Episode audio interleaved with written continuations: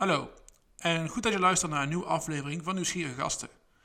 Een aantal weken geleden spraken Jim en ik met Ronald van der Ende. Ronald is bierliefhebber, maar vooral ook ondernemer. Hij vertelde ons gepassioneerd hoe hij als kleinste Apple-retailer van Nederland is geëvolueerd naar de sociaal ondernemer die hij nu is. Ronald is een van die mensen die het liefst de hele dag aan het woord zou laten. Daarom hebben we er ook echt bewust voor gekozen om het, om het verhaal van Ronald in twee te knippen. Vandaag luister je naar de aflevering waar Ronald vertelt over hoe hij gekomen is waar hij nu gekomen is. Hij vertelt de voorgeschiedenis van zijn, uh, van zijn bedrijf, maar vooral ook wat hem, wat hem daarin drijft. Volgende week zullen we veel meer ingaan op de struikelblokken waar hij tegenaan loopt en de dingen die hem belemmeren om te komen waar hij zou graag zou willen komen. We hopen dat jullie net zo graag luisteren naar het gesprek als dat wij ervan genoten hebben om het, om het gesprek te voeren met Ronald. En wensen jullie veel luisterplezier.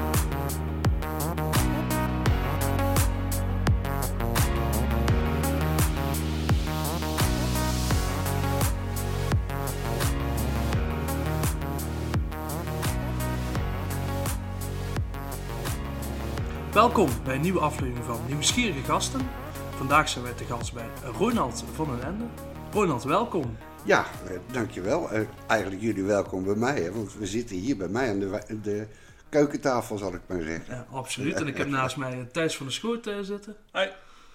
Je hebt een eigen bierbrouwerij, Ronald. In, in, oprichting. In oprichting? Ja. Zou je eerst iets over jezelf kunnen vertellen? Dan komen we daarna bij de, bij de bierbrouwerij uit, denk ik.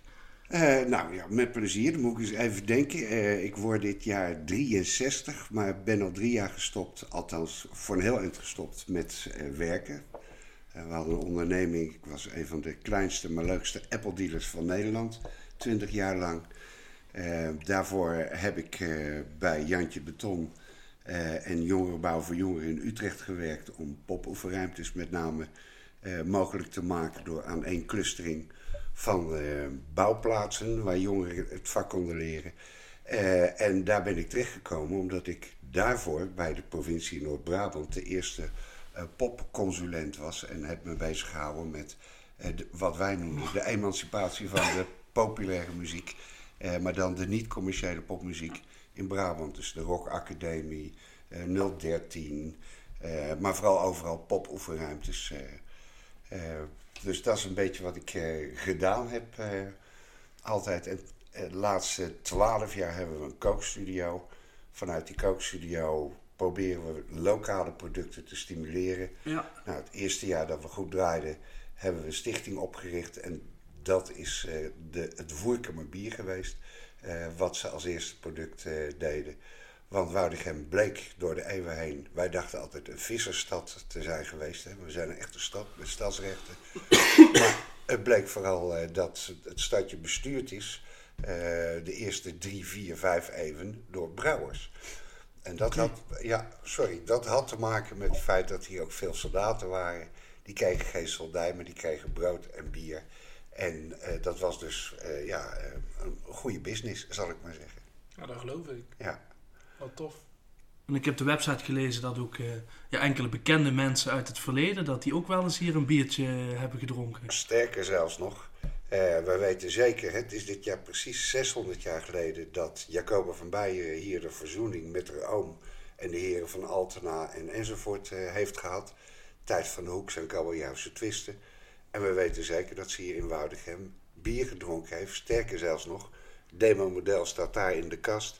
Uh, Volgende maand komt uh, ons Altena biertje uit onder de naam Zoen van Woudrichem. Uh, en daar refereren we aan receptuur die uit die tijd is. Dus het is een soort tijdscapsule. Je kan echt proeven wat zij toen geproefd heeft. Alleen met één verschil. vroeger hadden ze een spontane vergisting. Wij gooien tegenwoordig bewuste gistingen. Dus het is wat minder zuur dat bier. Maar het is een heel fris, hoppig. Het heet ook hoppenbier of kuitbier. En dan proef je precies wat Jacoba van Beieren 600 jaar geleden geproefd heeft. Nou, dat is toch geweldig. Ja, dat is uh, helemaal geweldig inderdaad. Ja, Klinkt, heel, eh, klinkt heel tof. Hoe ben je op, het, op dit idee gekomen? Van dat bier dus, omdat we uh, in 2006 650 jaar stadsrechten mm vierden. hebben drie maanden lang ieder weekend rondom thema's als muziek, literatuur, maar natuurlijk vooral een groot... Ehm, eh, feest waarin alle eeuwen van de vesting eh, uitgebeeld eh, werden. En dat was zo leuk dat we dachten, nou, we moeten meer toeristen zien te trekken naar Woudrichem. En uh, ja, wat is er leuker als je eigen bier uh, uit te geven. Dus toen zijn we met dat Woerkemer bier uh, gestart samen met een vriend. Eigenlijk niet gewoon maar als grapje. Ehm, je moet je voorstellen, geen brouwervaring. Dus we hebben contact gezocht met een brouwer in Zeeland... die met zo'nzelfde iets zat, maar die te weinig afzet had. Mhm. Dus die hebben we toen van hem ons eerste biertje afgenomen.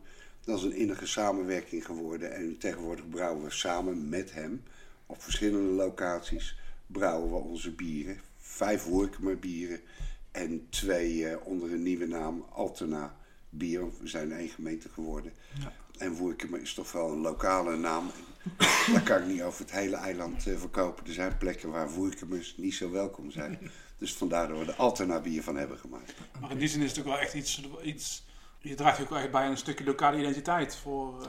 Ja, ja, en een bewustwording er ook van. Want het is Ehm, eh, iedereen, nogmaals, de hele generaties denken dat Wuidegem eigenlijk alleen maar een visserstad is. Terwijl in werkelijkheid uh, in tijden van economische bloei, toen ze net een stad geworden was, toen kwam dat natuurlijk vooral doordat er een tol was hier. En dan moest je schip ontladen en er werd gekeken wat je had en dan moest je belasting betalen en dan mocht je weer verder naar de volgende tol uh, varen.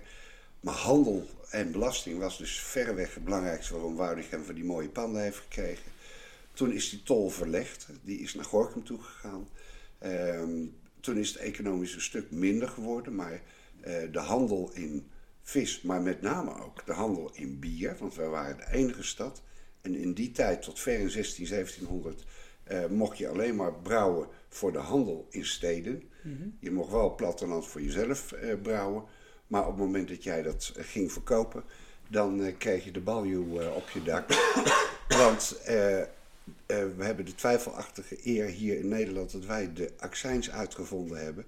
En als je buiten de accijns die ze in steden geregeld hadden, je spullen ging verkopen, dan liepen de heren natuurlijk hun geld mis. ja. Dus dat was uh, heel simpel het ja. verhaal. En ja, ze hadden toen ook al plannen voor een tweede boot ergens in. of een tweede huis ergens in, of een oorlogje te beginnen. Dus ze hadden dat geld allemaal hard nodig. Bestaat de oude brouwerij nog?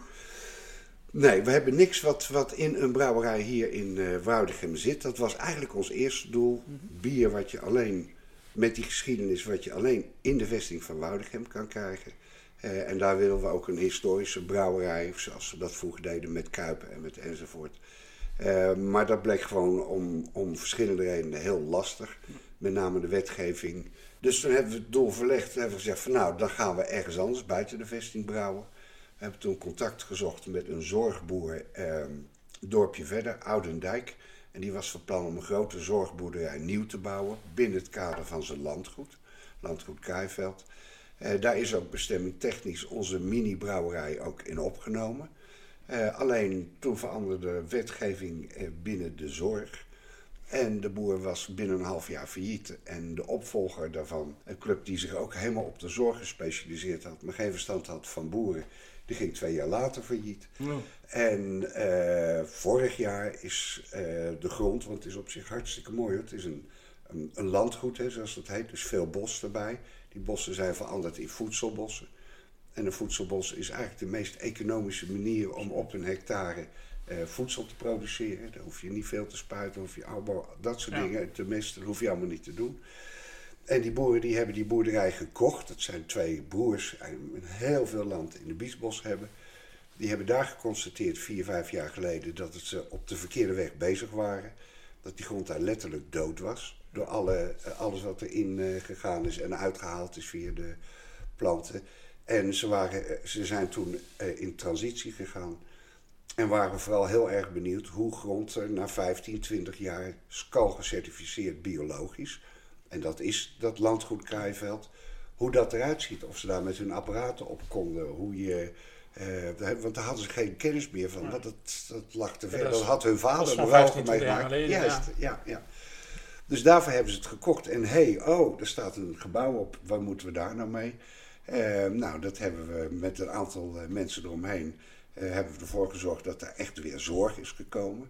Serenlo, een van de grootste zorgaanbieders -hmm. voor mensen met een verstandelijke beperking Die zit daar binnenkort, komt de vijftiende ehm, ja, bewoner, moet je zeggen. Hè? Want het is wonen en werken wat ze daar doen. Wij hebben een gedeelte, maar dat is meer dan de 50 vierkante meter. Dat is 250 vierkante meter. Waar we de brouwerij gaan realiseren. Dus hij staat er uh, nog niet. Mhm. Er komt ook een mouterij in. Want het liefst wat we willen is uh, eigenlijk gewoon 10 eh, meter het land oplopen. Daar de, de, ingrediënten voor ons bier vandaan halen. die zelf vermouten. En daar ook zelf brouwen. CO2-neutraal, energie-neutraal. Er komen hele grote zonnepanelen op. Eh, ze hebben een houtgestookte verwarming daar. Uh, geen gasaansluiting. Zelfs geen aansluiting op het riool. Want met, via de biezenvelden die eromheen liggen, zuiveren ze het water. En het gaat echt uh, keischoon. het rivier, of polderwater. En met recht een, een, schoon biertje moet dat worden. Absoluut, ja. ja, ja. En met, met inzet van opvang van regenwater. En het wordt niet groot, 500 liter wordt de, de keten waar we mee gaan brouwen ja, als je kijkt naar tegenwoordige craftbrouwers zoals Joop en De Molen en, enzovoort, dan zijn we echt maar een druppeltje in vergelijking met wat hun doen. En dat is weer een druppeltje in vergelijking met wat de Heinekens en, enzovoort eh, doen. Maar eh, we willen het wel echt zo, zo goed mogelijk doen. Liefst als het kan 100% rond. Dus energie-neutraal, eigen ingrediënten enzovoort enzovoort. Dus uiteindelijk is ook uh, dat. Het is ook wel mogelijk geworden om op dat uh, platteland, om dat, dat voedselbos uh, wel te beginnen. Want die, die, die, die grond was uiteindelijk daar wel klaar voor. Dus. Ja, klopt. Nou, dat, dat stond er al. Er stond al, je kan pas een landgoed worden als er zoveel bomen staan. Ja. het enige wat de gebroeders Groenenberg, die die grond gekocht hebben,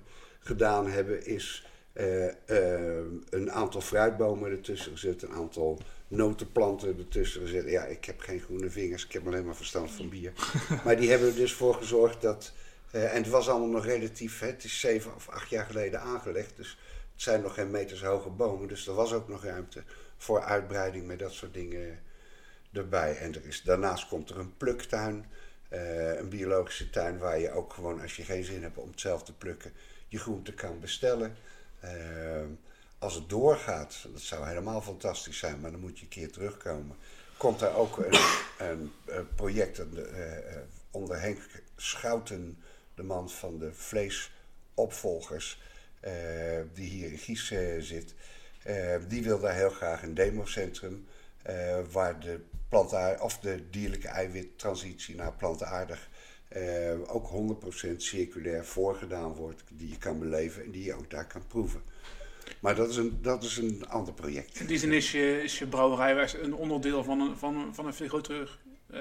Ja, zo voelen we het ook. Ja, ja. echt, echt ineens zie je dat dingen die we... Uh, nou, toen we begonnen met de kookstudio zeiden we dat al. Dat is 11 jaar 2007 geweest, dus 12 jaar geleden. En toen zei iedereen, oh, geitenwolle sokken, pff, er wordt niks. En toevallig een paar weken geleden hadden we een bijeenkomst van die kookstudio's bij elkaar. En toen zei ze, oh, je was visionair. Ja. Terwijl ik denk, nee jongen, het gaat alleen maar om lekker. En het gaat alleen maar om eerlijk. Heerlijk. En eerlijkheid die tent van ons. En daar, daar hoef je geen niet voor gestudeerd te hebben. Gewoon met je boerenfluitjesverstand snap je dat als je daar eh, niet op die manier doet, dat je een roofbouw aan het plegen bent. Merk je dat, dat, dat daar nu meer aandacht uh, voor komt, voor dat circulaire proces? Veel. Ik merk het veel. Ik merk het aan, aan dat de politiek er belangstelling in heeft. Eh, wat toch een hele poos uh, niet uh, het geval is geweest. Ik merk ook dat de provincie er echt bewust naar werkt. Wat ze ook wel zou moeten. Hè? Want laten we eerlijk zijn, Brabant die produceert nogal wat planten, sorry, dierlijke eiwitten, zal ik maar even zeggen. Met mhm. name de varkens natuurlijk. maar ook de kippen enzovoort. Daar, daar zit een groei aan. een grens aan bedoel ik. En dan merk je gewoon ik merk het bij de kookstudio bijvoorbeeld, twaalf jaar geleden had je af en toe iemand die vegetariër was. En dat betekende in die tijd vooral dat hij geen vlees had. Uh, maar zonder te weten wel allerlei producten waar dierlijke producten waar van alles in verwerkt was. En tegenwoordig krijg je echt vegan handleidingen vooraf. Want ik wil wel dit, zus en zo, maar dat niet en dit niet en, enzovoort. Dus je merkt ook dat de consument, de mensen zelf, er beter over aan het nadenken zijn, meer over aan het nadenken zijn en keuzes maken. Dus niet alleen erover kletsen of mouwen, zoals we hier in Voorkum zeggen, maar ze nemen ook keuzes. Ze maken bewuste keuzes. Ja. Het is een, kleine gemeenschap hier. Eh, Ja. Hoe is de reactie geweest van eh, het, het traject waar je met de brouwerij nu in zit? Want, Ja, nou misschien moet ik er nog één ding bij vertellen. Eh, want van dat historische in Houten Kuipen en enzovoort eh, zijn we dus naar een, zeg maar een craft brouwerij, zeg dan Ja. tegenwoordig gegroeid. Maar wel binnen een zorgdoel. en dat heeft er puur mee te maken. We hebben een zoon die inmiddels vijf jaar, we hebben gisteren geëvalueerd bij de GGZ, vijf jaar eh, zelfstandig woont. Maar daarvoor heeft hij een kleine twintig jaar in Etteleur eh, gezeten. En echt vanaf nul situatie separeer naar nu dus uiteindelijk vijf jaar met eh, eh, mantelzorg en enzovoort eromheen, maar zelfstandig woont. dat is gigantische groei. Dat is enorm. Dat is echt fantastisch wat die gozer eh, gepresteerd heeft. Ehm, wat je ziet is dat in Etteleur woonden er in die tijd woe, veel mensen. Dat is helemaal verdwenen. Al die mensen die zijn weer terug, althans zoveel mogelijk waar het kon, naar de plek waar ze vandaan kwamen, naar de wijk. en het vervelende is, als je kijkt naar mensen met een verstandelijke beperking, dan is er zelfs een concurrentieverhaal hier op het eiland. Eh de Sofak, eh Serenlo, nou, ik kan wel tien eh, initiatieven noemen, maar voor die mensen die uit de psychiatrie komen, is er aanbod nul. Helemaal niks. Dus wij hebben gezegd, wij gaan kijken of we binnen die zorgbrouwerij, zoals we hem zijn gaan noemen, met name die doelgroep, eh, variërend van een zinvolle eh, dagbesteding, tot misschien wel gewoon onafhankelijk worden en je eigen werk daar hebben. En daar hebben we een prachtig voorbeeld van de Praal in Amsterdam, maar ze zijn er een stuk of dertig in heel eh, Nederland, die dus, ja, al kom je maar een uur in de week werken, je bent altijd welkom, eh, je hoort bij de club. We, dat proberen we ook echt te bevorderen, dat je, dat een club is, dat je met elkaar een mooi product maakt waar je trots op kan zijn. En dat is het element wat er bijgekomen is, eh, zou ik maar zeggen. Ja. Dus het is echt een zorgbrouwerij die we daar willen doen. En circulair en nou, ja, ga zo maar door. Wat Maar zeg je dat mooi, een zorgbrouwerij. ja, ja, het is, dus zo noemen we het ook echt, een zorgbrouwerij. Ja. En eh, dat, eh, dan snappen mensen ook gelijk dat we dat bier niet uitgeven om er rijk van te worden. Nee. Integendeel, het zijn allemaal vrijwilligers die erbij bij zitten. We hebben een fantastische vormgeefster die dat voor NOP doet. Eh, we hebben mensen die voor NOP het bier rondbrengen, overal. Tegenwoordig zelfs elektronisch sinds vorige week, want we hebben hier een buurtauto gewonnen van Natuur en Milieu en de provincie. Die gaat hem ronddraaien. Dus eh, ik rijd de hele tijd met mensen rijden. Als het om een paar kratjes gaan, als het grote orders zijn, ja, dan, dan kan dat niet in zo'n eh, personenauto. Maar onze distributie in de vesting was al CO2-neutraal, want we hebben een bakfiets. Daar rijdt onze zoon op en die brengt dus de biertjes rond in de vesting. Eh, maar nu dus ook met eh, de auto buiten de vesting, CO2. Ja, maar, dat is dus de lol van de club. Het zijn gewoon vrijwilligers. Mensen met wel een stip op de horizon. We gaan die brouwerij en we gaan voor iedere... eh, we willen eigenlijk een soort Tesselsbier eh, worden. Maar dan alternatief bier voor onze eiland. Ik weet niet of je Tessels bier kent, maar dat, als je in Tessel komt, zelfs de mensen van de Blauwe Knoop vinden het geweldig. Dat is hun bier. Nou, zoiets willen we graag hier zo van het Altena bier eh, krijgen. Je noemt nou een aantal dingen, Ronald. Is dat ook waarom jullie het eh, bier met een missie eh, eh, noemen? Ja, of bier wat, wat verandering in, in brengt. Ja, dat is, het is, we worden gedreven door en die zorgcomponenten goed te doen. En zorgen voor je omgeving. en proberen zoveel mogelijk gewoon binnen je eigen omgeving een product te creëren en te af te zetten. Dat is overigens niet uniek voor ons, maar dat is met name in Amerika. Die kraftbeweging, die bierbeweging die daar zit. Daar heb je hele goede voorbeelden. Nevada bieren die zelfs op een gegeven moment belasting moest betalen omdat ze zoveel energie opwekten. En zo het water zo schoon maakten en enzovoort. Dat ze daardoor extra belasting van de overheid kregen. Want dat was in hun verdienmodel niet voorzien dat er zulke Oké. enthousiaste...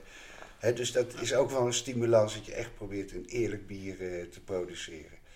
En eh, ja, nou ja, sinds we daarmee bezig zijn, zien we ieder jaar de, de cijfers verdubbelen.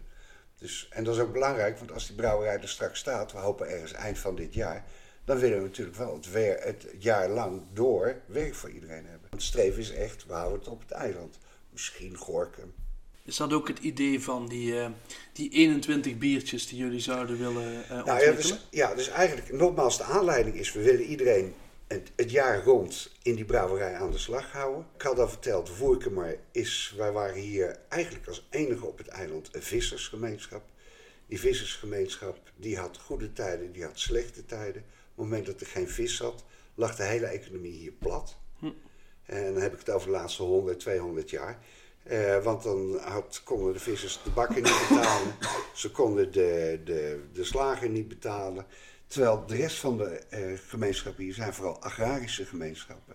Ehm, en die zijn gewend om met elkaar een tractor te kopen of met elkaar de oogst te helpen en enzovoort. Dus dat was allemaal wat anders. En die arme woerkemers die gingen vroeger vooral op stropen als er geen geld was en het gezin moest toch eten hebben. Gingen ze stropen, beestjes uit de polder en enzovoort. Dus Woerkema had, historisch, hè, dat is al lang voorbij, het zijn geweldige... Maar eh, die had een slechte naam eh, in sommige gebieden. En vandaar dat we hebben gedacht van nou, dat bier, dat gaan we niet meer redden voor het eiland. We Nee. moeten een andere naam hebben. En toen kregen we vorig jaar hebben we twee lezingen gehouden eh, door met name bierhistorici. En die zeiden, weet je wel dat het land van Altena beroemd was vanwege zijn hop. Wij waren een van de eerste grote hopproducenten die voor de steden, en dan praten we over 12, 1300, eh, denk aan Den Bosch, denk aan Breda, maar ook in Holland gebeurde veel. We hebben pas een lezing gehouden in Gouda en de stadshistoricus die is tegengekomen dat er dus hop via Woudegem, want het werd verhandeld via onze stad, naar Gouda ging in grote hoeveelheden. En toen dachten hé, die hopteelt dat is net zoals Woudichem Brouwerstad. Die hopteelt is helemaal verdwenen. Die is echt hier, er staat nee, ja, wat wilde hop nog hier en daar in wat bosjes. En toen dachten we van, weet je wat, eh, we gaan die hopteelt opnieuw introduceren. Brabants Landschap vond dat geweldig. Eh, natuurlijk biologisch en, enzovoort ervoor. Uiteraard. Eh, en het idee is dan iedere keer minimaal één hophofje, of een hopkuil of een hopveld, wat, wat de mensen daar willen. Gaan ze zelf onderhouden. Wij helpen ze met het organiseren van de oogst en met die hop. En wij zorgen dat ze die palen voor niks krijgen, de planten voor niks krijgen. Eventueel nog hulpmiddelen om de grond te bemesten en, enzovoort. Wij krijgen de hop en daar gaan we voor hun gemeenschap 500 liter bier mee brouwen. Naar hun keus, wat ze willen. Dat is Ja, een 1500 eigen identiteit ook. eh. Juist, Ja. juist. Dus dan was het grapje wat ik altijd eh, daarover maak. Bijvoorbeeld in Veen eh, willen we graag een quadruppel brouwen. Nou, ik weet niet of hun dat willen, maar het lijkt ons erg leuk. Quadruppel is zo'n beetje het zwaarste bier Ja. wat je kan eh, brouwen. Ja. Eh, en Veen kan je ook schrijven als V1. En V1 was een apparaat waar ze in Engeland de Duitsers eh, Engeland mee probeerden op de knieën te krijgen. Met zwaar geschud zeker. Zwaar geschud. Ja, en wij ja, zeggen ja. dan V1 bier wat inslaat als een bom. Nou, zo willen we dat voor iedere keer. Ja, dat is hartstikke leuk. Ja, ja. En dat is eigenlijk ook, want er zitten ook weer allemaal eigenzinnige en creatieve mensen rondom dat bier die dingen verzinnen. Dat logo ook, eh, wat we voor dat Alterna bier hebben. En nou, weet je wat, zit allemaal de naam eh, van die verzoening, die heet een zoen. Nou, moet je je voorstellen, kom je de kroeg in en er staat een, een geweldige dame achter de bar. Dan mag je zeggen, eh, mag ik een zoen van u? Dat is niet gek. Nou, dat lijkt me toch wat? Doe er maar twee. Dat is niet gek. Dat is toch leuk? Dus ja, absoluut. zo, zo, zo is het. Het moet vooral ook leuk zijn. Ja. Het moet niet allemaal serieus en allemaal te zwaar zijn. Het moet vooral ook lol met elkaar ermee. eh. Tot zover de aflevering van deze week. Bedankt voor het luisteren en tot volgende week.